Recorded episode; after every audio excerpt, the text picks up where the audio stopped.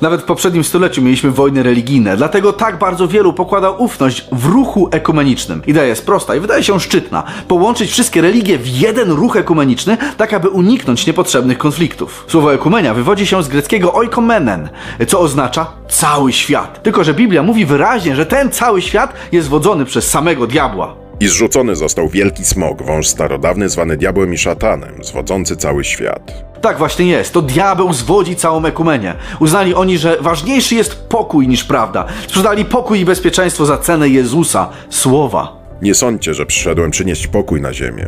Nie przyszedłem przynieść pokoju, ale miecz. Podczas reformacji XIX wieku powstał Kościół Adwentystów Dnia Siódmego, którego celem jest łączenie ludzi na gruncie Biblii. To jest Boży, prawdziwy ruch ekumeniczny, który nie godzi się na kompromisy. Jeśli jesteś jego częścią, to nie łącz się w żaden sposób z fałszywym, diabelskim ruchem ekumenicznym. Bo sąd już nadszedł i czas oddać chwałę Bogu.